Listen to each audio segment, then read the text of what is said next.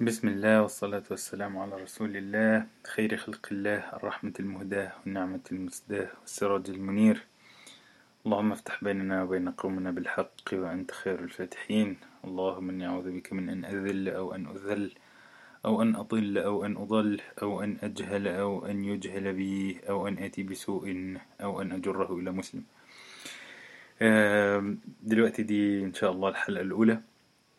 الحلقة الأولى إذا ربنا أراد وأعطانا العمر من 114 حلقة هنتكلم إن شاء الله في كل واحدة فيهم على اسم سورة من سور القرآن.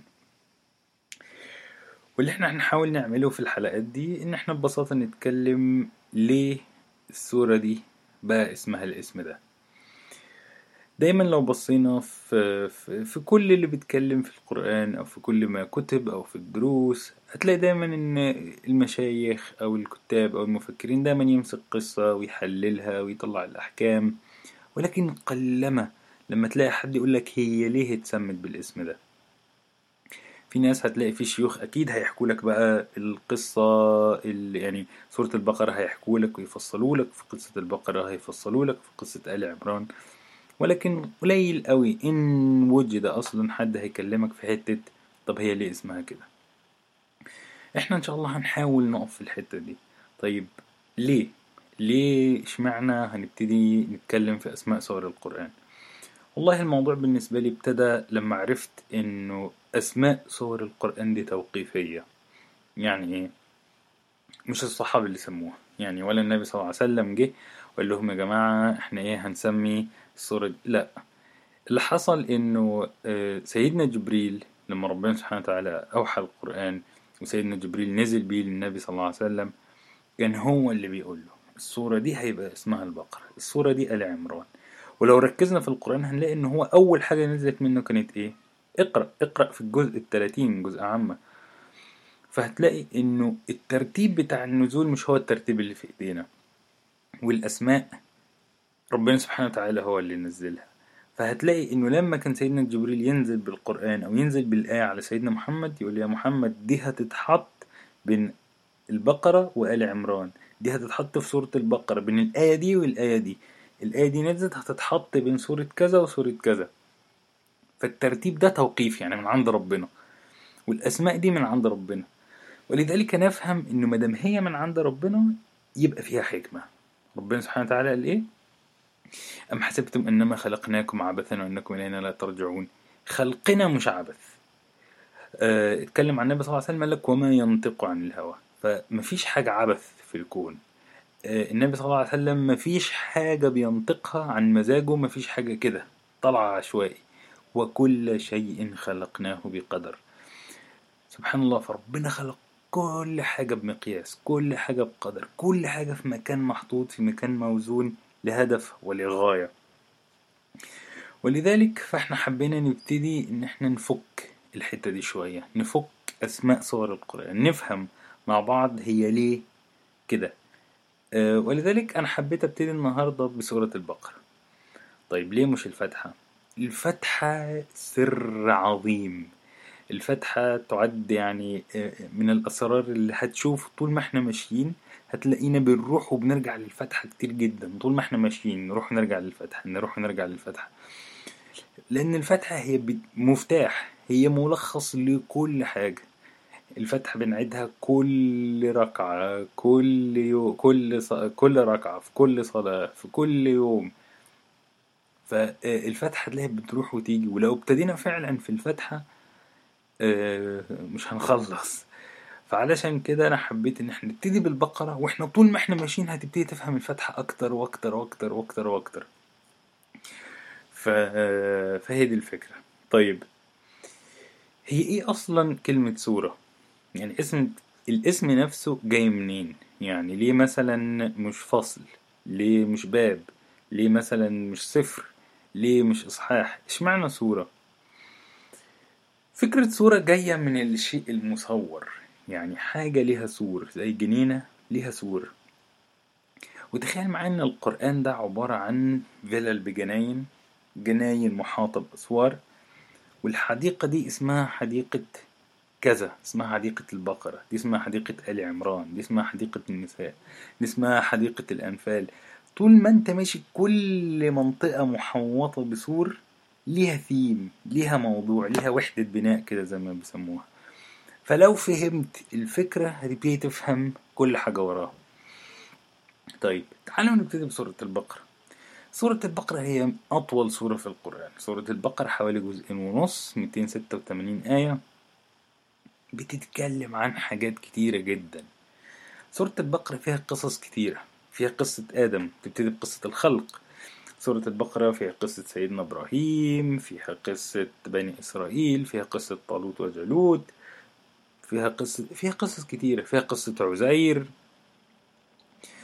طيب إيه فكرة البقرة؟ تعالوا نخش بسرعة بقى على فكرة البقرة والله القصة ببساطة كانت إن في شاب يعني من كتب الأثر إن كان في راجل عجوز والراجل العجوز ده كان ما بيخلفش فابن أخوه شاب قال له أنا بعد ما أموت أنت هتورثني. فالمهم الراجل ده اتوفى في ظروف غامضة ولقوا جثته مرمية في أنتوا عارفين بني إسرائيل كانوا مقسمين ل 12 سبط 12 زي 12 مجاورة 12 حي فمتقسمين. فالمهم لقوا جثته عند منطقة تانية غير اللي هو تابع ليها. فالبديهي والمتعارف عليه أو أي تصرف طبيعي إن أهله هيتهموا أهل المنطقة دي بإن هم اللي قتلوه. فجالهم الأمر يعني فراحوا لهم يلا أنتوا اللي قتلتوه ادفعوا الدية لا احلفوا ما نعرفوش. قامت فتنة عظيمة بين فرعين من فروع بني إسرائيل. فالناس هنا اختلفوا قالوا يا جماعة إحنا إيه لسه سيدنا موسى موجود ما بيننا يلا نطلع على سيدنا موسى. ونسأله نعمل إيه في الموضوع ده. طيب. فسيدنا موسى أمرهم قال لهم طيب حاضر خلاص هعمل كده فعلا. وراح دعا ربنا والوحي جاله أمرهم بأن يذبحوا بقرة. وخلينا نقف هنا شوية. إيه الفكرة دي؟ يعني بالراحة كده ناس جاية لطلب دنيوي بحت ألا وهو إحنا عندنا مشكلة في حياتنا. عندنا مشكلة ومش عارفين نحلها إزاي. قول لنا يا شيخ قول لنا يا نبي قول لنا يا عالم قول لنا يا فقيه قول لنا بتاع ربنا. دي تتحل إزاي؟ فكان الأمر بذبح بقرة حاجة في الظاهر ولا ليها أي علاقة ولا إيه علاقة البقرة بالقتيل اللي إحنا عايزين نفهم المشكلة. ظاهريا حاجة ملهاش مش باين إن ليها علاقة. هم كانوا يتوقعوا وهنا خلينا يعني نبص على الحتة دي. ربنا كان ممكن يوحي لسيدنا موسى مين اللي قتل وخلصت صح؟ كان ممكن الوحي يجي بإنه فلان اللي قتل خلاص فلان اللي قتل يا جماعة وشكرا. ونبي مش هيكذبوه يعني. ولكن الف... لا هم مؤمنين بيه. ولكن الفكرة هنا اللي دايما بقف عندها فكرة إنه اذبحوا بقرة. الأمر يبدو غير منطقي بالمرة يعني الأمر اللي هو طب ليه؟ طب اشمعنى بقرة؟ طيب طب ليه؟ يعني مش مفهوم. أنا والله قعدت أفكر في الموضوع ده كتير جدا. إشمعنى البقرة؟ بعدين لفت نظري حاجة وأنا عمال أقرأ سورة البقرة إن سورة البقرة هي الصورة اللي وردت فيها كل أحكام الدين. يعني إيه؟ يعني هنلاقي إنه تحويل القبلة والصلاة موجودين في سورة البقرة.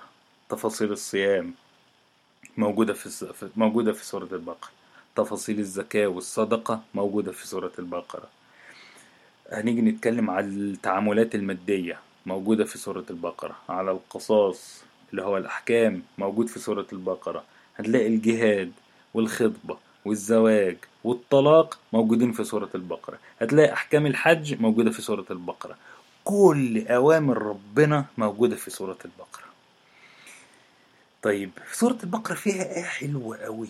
أوي أوي. بتتكلم على حال بني إسرائيل لما سيدنا موسى نزل لهم بالقرآن بالتوراة بالألواح. قالوا له إيه؟ قالوا له بص الموضوع ده يعني صعب أوي فإحنا إيه هات لنا الكتاب ده. نؤمن ببعض ونكفر ببعض. إحنا مش هناخده كله. إحنا في حاجات هنؤمن بيها وفي حاجات هنسيبها. وكأن سبحان الله الحال بتاعنا بيقول إن البقرة دي هي أوامر ربنا. اللي إحنا ممكن ما نبقاش فاهمين هي نزلت كده ليه. ممكن نبقى نبص على الأحكام نقول لك آه والله بص أهو ربنا بيقول دي أحكام الزواج. فالناس ممكن تقول لك آه لأ بس معلش إحنا عندنا عادات وتقاليد وإحنا عندنا أصول وما ينفعش اللي بيحصل ده. يا جماعة في ربنا.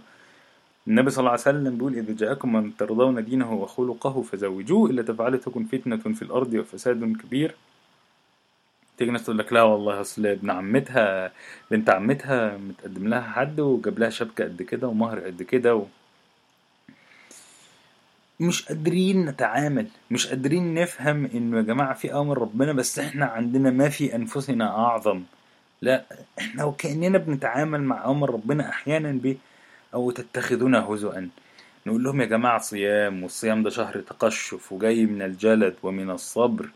تلاقي شهر رمضان ده كله مسلسلات وأغاني ورقص وخيام بعيد تماما عن المعنى. شهر معمول للارتقاء الروحي والزهد والقرب من ربنا.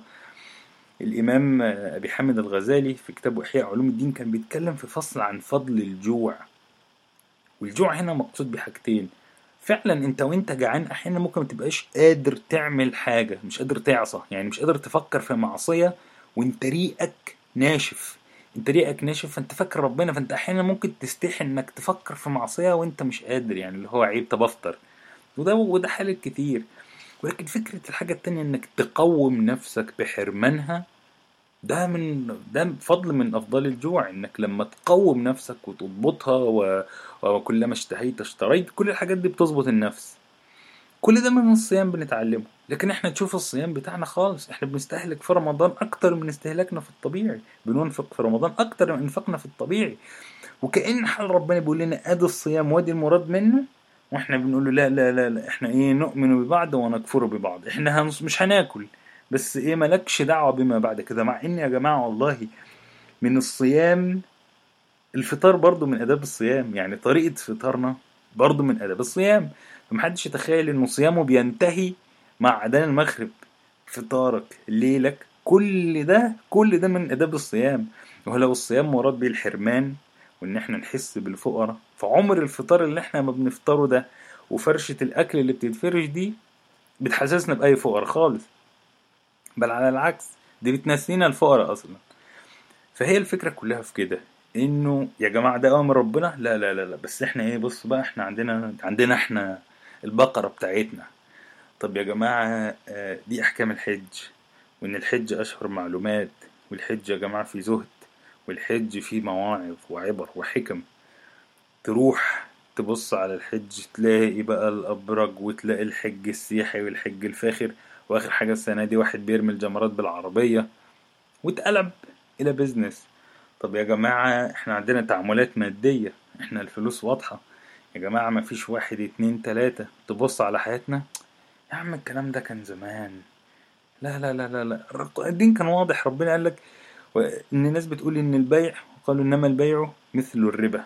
البيع هو هو فكرة الربا. إن أنا أديك 10 جنيه تديهم لي 12 هي دي البيع. هو أنا لما أبيع أشتري أنا سلعة ب 10 وأبيعها لك ب 12 قال لك هي دي زي دي. ما فرقتش. ولكن أحل الله البيع وحرم الربا. نيجي إحنا نقول لك لا ما خلاص معلش ده النظام العالمي ودي الدنيا كلها ماشية كده فمعلش دي البقرة بتاعتنا وإحنا مش هنقدر نيجي جنبها. فتبص للحالة كلها على بعض تحس إن إحنا بقينا حاجة تانية خالص. ربنا رايد حاجة وإحنا ماشيين في سكة تانية خالص. نؤمن ببعض ونكفر ببعض. يا جماعة إحنا وصلنا لمرحلة لما حد يقول لك ده أوامر ربنا. والله ده الحجاب ده غض البصر. ده حفظ اللسان ده عدم الخوض في عورات الناس. تحس إن الناس بقت يا عم بقى فوقك أنت أنت هتخنقنا ليه؟ فعلا الموضوع بقى صعب. هي دي البقرة هي دي البقرة. البقرة ممكن تفهم هنا على حالتين. البقرة ممكن على فكرة وهي ليها دلالتين فعلا في القصة. الدلالة الأولى إن هي دي أمر من أوامر ربنا. أنت كبشري مش شايف حكمته أنت كبشري مش قادر تفهم إيه الرابط بينهم وبين بعض أنت مش فاهم مش قادر تفهم إيه ده علاقته بده. مش عارف مش عارف ان انت مثلا لو قطعت ربنا هيبقى في حاجة اسمها البركة مش قادر تفهم ما مش فاهمها. ده مفهوم. ومفهوم تاني وقصة تانية كنت يعني آه، آه، سمعتها إنه بني إسرائيل لما كانوا في مصر كانوا شافوا أهل مصر بيعبدوا بقر. بيعبدوا يعني اللي هو العجل يعني إله كده على شكل بقرة لها قرنين وكانت بتعبد. فهي حاجة غالية يعني هم ما عبدوهاش. ولكن هي حاجة في الكالتشر بتاعتهم في ثقافتهم حاجة ليها مكانة عظيمة. دي يعني بقرة. ومصر طبعا كان بلد زراعي. فالبقر اسأل شوف الفلاحين البقرة دي ثروة لأن هي بقى بتحرث الأرض. يعني هنا دلوقتي في جرافات زمان ما كانش فيه فهي كل حاجة. وبتخلف وبياخدوا منها لبن وليلة. فهي تعتبر ثروة. ولو بني إسرائيل كانوا شغالين في مصر على الزراعة فالبقرة دي كنز كنز فلما تيجي تقول لحد اذبح بقرة هو جواه كم رهيب جدا من المعاني المحملة بكل ما هو دنيا بس. دنيا. مش قادر يذبحها مش قادر يفهمها. يا جماعة دي انت كأني لما تقول لحد تخلص من من حاجة يعني واحد شغال في حاجة حرام وتقول له يا جماعة على فكرة ده ما ينفعش. مش قادر مش قادر. يعني أنا عايش طول حياتي كده ده معجون جوايا. فأنت لما تيجي تقول لي لأ يعني مش هيطيع بمنتهى مش هيطيع بالسهولة دي. ولذلك فهي دليلتين. أيهما أكبر عندك؟ أوامر ربنا ولا بقره هواك؟ أيهما أكبر الأمر الإلهي ولا الأمر مزاجي؟ مصلحتي الدنيا الناس. ولذلك فمهم جدا جدا جدا جدا ذبح البقرة. خلي بالك أنا مرة سمعت قصة كان واحد أجنبي بيحكي قصة إسلامه. أقول لك أنا من أكتر الحاجات اللي شدتني في القرآن هي يعني هو بيفتح الصفحة الأولى يعني ما خدش باله من الفتحة فأول حاجة قرأتها من القرآن مكتوب ألف مام ألف لام ميم This is the book beyond which there is no doubt. ذلك الكتاب لا ريب فيه هدى للمتقين. فقال لك أنا استغربت الفكرة فكرة إنه أنا لسه طبعا ما كنتش عارف إن ده كتاب ربنا ولكن تفتح كتاب تقول لك الكتاب ده بلا شك فيه فايدة للناس اللي, اللي بتتقي المتقين. فلفتت نظره جدا. وفعلا تعالى بص كده اقرأ القرآن. وخلي بالك دي بداية نموذجية جدا للقرآن القرآن. كله ال 114 سورة كلهم أحكام وأوامر ونواهي وإزاي تظبط قلبك وإزاي تظبط عقلك وإزاي تظبط كل حاجة في دنيتك. بس القرآن بيقول لك على فكرة أنت مش هتستفيد أنت مش هتستفيد منه لو ما كنتش من الناس دي. ذلك الكتاب لا ريب فيه هدى للمتقين. مين المتقين الذين يقيمون الصلاة ومما رزقناهم ينفقون والذين يؤمنون بما أنزل إليك وما أنزل من قبلك وبالآخرة هم يوقنون؟ أولئك على هدى من ربهم وأولئك هم المفلحون. طب معنى كده إنك لو مش أنت لو أنت مش من دول مش هتستفيد. خلاص خلصت. يعني لا ريب فيه هدى الذين يؤمنون بالغيب ويقيمون الصلاة. طيب وخلي بالك هنا لما في فرق طبعا بين إقامة الصلاة وأداء, وأداء الصلاة فرق رهيب. الإقامة بتجتمع على معاني أعظم بكتير وهي إحياء لما في الدين فعلا. آه، فهي الفكرة كلها إن إحنا لما أجي أبص هلاقي إنه أنت لو مش من دول فلا ريب الكتاب ده ملوش فايده مش, هيفيدك لأن أنت أنت مش مقتنع أنت مش مش مستعد.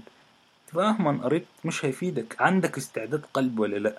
ولذلك هتقول لي طب الاستعداد يبتدي منين؟ يبتدي بفهم المعنى ده بفهم معنى البقرة. بفهم معنى الحتة القلبية. ساعتها لما تيجي تبص بالعدسة دي للقصص اللي موجودة عندي في القرآن في سورة البقرة هتلاقي قصة سيدنا إبراهيم. طبعا وهو بيسأل ربنا سبحانه وتعالى على ربي أرني كيف تحيي الموتى. سؤال لو حد سأله دلوقتي ممكن يعني يتكفر ويتضرب بالشباشب والناس تجري وراه. تحيي الموتى مين؟ تخيل نبي.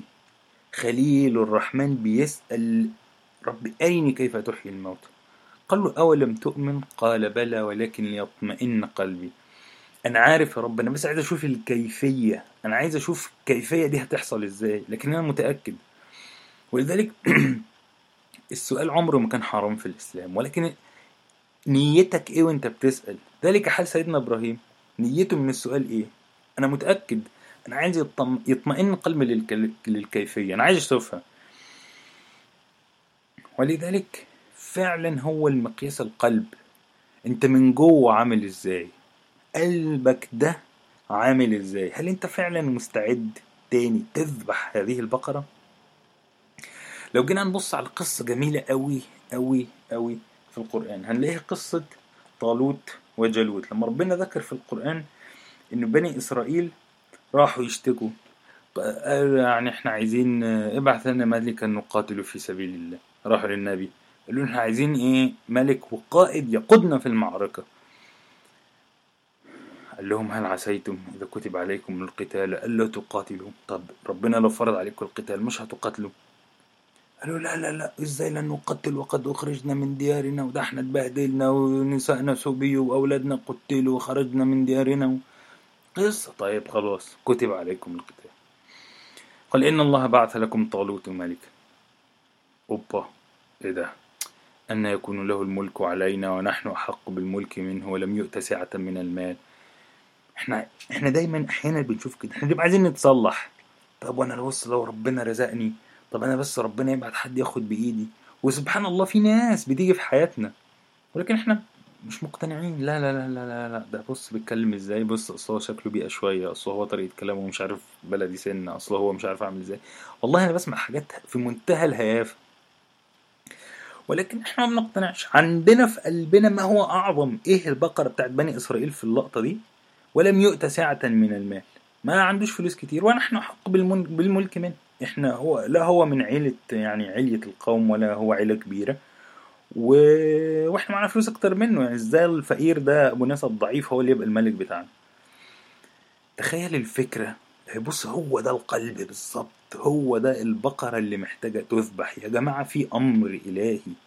لازم في أمر إلهي نازل. اتع... تعامل معاه. اذبح بقرة هواك علشان خاطر تعرف توصل. تخلص من ما في قلبك من شهوة ومن حب سلطة ومن ومن دنس دنيوي فالمهم ابتدوا يخشوا بني إسرائيل في ابتلاءات ففي ناس قالت لك لا يا عم مش طالعين نحارب. في ناس طلعوا وراه. الناس اللي طلعوا وراه قال لهم إن الله مبتليكم بنهر في نهر هيعدي. اللي هيشرب منه يجي معايا. اللي هيشرب منه غرف اللي هيشرب منه ما يجيش معايا. اللي هيغترف يجي معايا. فطبعا الناس شربوا بقى ونسيوا نفسهم وأخد ثلة بسيطة فضلت. تعال بص على الحال بتاعهم ده. بص على الموقف اللي هم فيه. هتلاقي إنه الفكرة نفسها الفكرة نفسها إنه يا جماعة إحنا دايما فعلا في حياتنا بنخش في ابتلاءات. في آه، آه، آه، بنخش في ابتلاءات وبنخش في امتحانات وبنخش في محن. ولكن تعاملنا معاها بيبقى عامل إزاي؟ دايما دايما أو يعني إلا من رحم ربي الهوى بيغلب في مواقف كتير. وما أبرئ نفسي الهوى بيغلب في مواقف كتير. ال ال المصلحة بتغلب في مواقف كتير. الحرص بيغلب في مواقف كتير. ولذلك جاءت أول سورة في القرآن بالمعنى ده. جاءت أول سورة في القرآن عايزة توضح لنا كده. جاية فيها كل الأوامر. عايز تعرف تعرف كل أوامر الدين؟ بص على سورة البقرة. هتلاقي كل حاجة تفصيل شديد. طيب آدي أوامر ربنا. واعرض هواك عليها وشوف الغلبة لمين. ولذلك الصورة بتخلص بمعنى آه، حلو جدا. أنا يعني هحاول إن أنا أخلي الدروس دي آخرها نص ساعة. علشان خاطر تبقى خفيفة ومركزة. أي نعم هنسيب حاجات كتير. أي نعم مش هنعرف نخش في كل القصص في كل الحكاوي ولكن تبقى خلصت شفت العدسة اللي أنت تعرف تقرأ بيها الصورة وبعد كده تكمل. ولذلك من رحمة ربنا يريد الله بكم اليسر. لما تيجي تبص على الصورة اللي فيها كل الأحكام كل أحكام ربنا وبيعرض لك قصص الأمم وبيعرض لك قصص بني إسرائيل وعلى فكرة أهو. أول إشارة للفتحة في, في, في أول حلقات. إحنا في الفتحة ربنا سبحانه وتعالى إحنا بنستعيذ في الأخير بغير المغضوب عليهم ولا الضالين. هو إيه الفرق بين المغضوب عليهم والضالين؟ المغضوب عليهم هم الناس اللي علموا وعصوا أو علم أمر ربنا وعند. أنا عارف فعندت ده استحق الغضب. طب والضال؟ الضال اللي حاول يعمل ومعرفش بس أصر على رأيه. هو مش عارف بس أصر. بدل ما يسمع ويتعظ ليه؟ لأن دخل هوا. خلي بالك الاتنين هنا دخلهم الهوى بس بطريقتين مختلفتين. واحد عن علم فاستحق الغضب. واحد ضل ولذلك الضال ده بيبقى عقابه يعني إيه؟ من ربنا ولكن بيبقى في نقطة فيصلية في الضلال ده. إن أنت في هوى داخل على الرأي بتاعك ولا لأ؟ في بني آدم عايز يطبق. ولذلك إحنا النبي صلى الله عليه وسلم كان بيتكلم في حديث إنه إن الأمة دي اللي اللي يجتهد اجتهد فأصاب واجتهد فأخطأ. ما اللي اجتهد وأصاب له أجران واجتهد وأخطأ له أجر. هو بيحاول. سعى إنه يعمل حاجة صح ولكن ما جابتش معاه. فله أجر. طيب لو فيها حب دنيا لو فيها هو ده بقى الضلال. ولذلك فلما نزلت أوامر ربنا بصينا على الاتنين وإيه ربنا قال لك ادي أوامر الدين وده هواك. اعرض عليها هواك. ولأن زي ما قلت لكم إن الله يريد الله بكم اليسر. هنلاقي إن آخر آية في السورة إيه؟ ربنا لا تؤاخذنا إن نسينا أو أخطأنا. ربنا ولا تحمل علينا اسرا كما حملته على الذين من قبلنا. ربنا ولا تحملنا ما لا طاقة لنا به. واعف عنا واغفر لنا وارحمنا. أنت مولانا. فانصرنا على القوم الكافرين. هي الفكرة كلها إن إحنا بعد كل ده ربنا عارف إن إحنا جبلنا على الضعف. ربنا عارف إنه هتقع. أنت بني آدم. ولكن الفكرة كلها إنه انت بتقر بخطأك. ربنا لا تؤاخذنا إن نسينا أو أخطأنا. يا رب إحنا هنغلط. فسامحنا يا رب. يا رب إحنا هنضعف. فسامحنا يا رب. يا رب ولا تحملنا ما لا طاقة لنا به. ربنا ما يكتب علينا إن إحنا نتحط في موقف يبقى صعب. ما نقدرش نستحمل فنقع. وهي دي فكرة ما لا طاقة لنا به. يا رب إحنا عارفين إن ده أوامرك وعارفين إن أنت بتؤمر بكذا وعارفين إنك بتنهي عن كذا. ولكن يا رب إحنا طاقتنا بقت ضعيفة. فيا رب نجنا من الوقوع في الموقف ده. يعني ابعد عنا هذا الموقف يا رب ولا تحملنا ما لا طاقة لنا به. إحنا عارفين يا رب إن ده أمر وعارفين إن إحنا المفروض نعمله. لكن إحنا ضعاف خطائين ما مش قادرين. فيا رب ما تحطناش في موقف نضطر فيه نغلط. ولا تحملنا ما لا طاقة لنا به واعف عنا. واغفر لنا وارحمنا أنت مولانا فانصرنا على القوم الكافرين. يمكن من أجمل الآيات اللي موجودة في السورة دي وإذا سألك عبادي عني فإني قريب أجيب دعوة الداعي. إذا دعان فليستجيبوا لي وليؤمنوا بي لعلهم يرشدون. خلاصة الأمر البقرة دي هي حاجتين هي أوامر ربنا وهي هواك. أنت تقرر مين هتتبع أمر الله؟ هتمشي ورا مراد ربنا سبحانه وتعالى. يمكن القصة خلصت بأن هما شددوا فربنا شدد عليهم وفي الآخر ذبحوا البقرة وضربوا بيها الميت فالميت صحي قصادهم وشاور لهم على القاتل وبس وشافوا المعجزة يعني ومسكوه واخدوا القصاص. فهي الفكرة كلها في كده إن أنت تتبع مراد ربنا وشوف النهاية. خلي بالك الآية كانت بتقول لك إيه؟ كذلك قلنا اضربوه ببعضها كذلك يحيي الله الموتى. والله أنا شفت في الموضوع ده حتة إن هو بمي بأمر إحنا مش شايفينه بالحاجات دي بإحياء أوامر ربنا كذلك والله يحيي الله الأنفس الموتى. اللهم احينا على دينك وأمتنا على دينك واهدنا إلى سبيلك وصراطك المستقيم.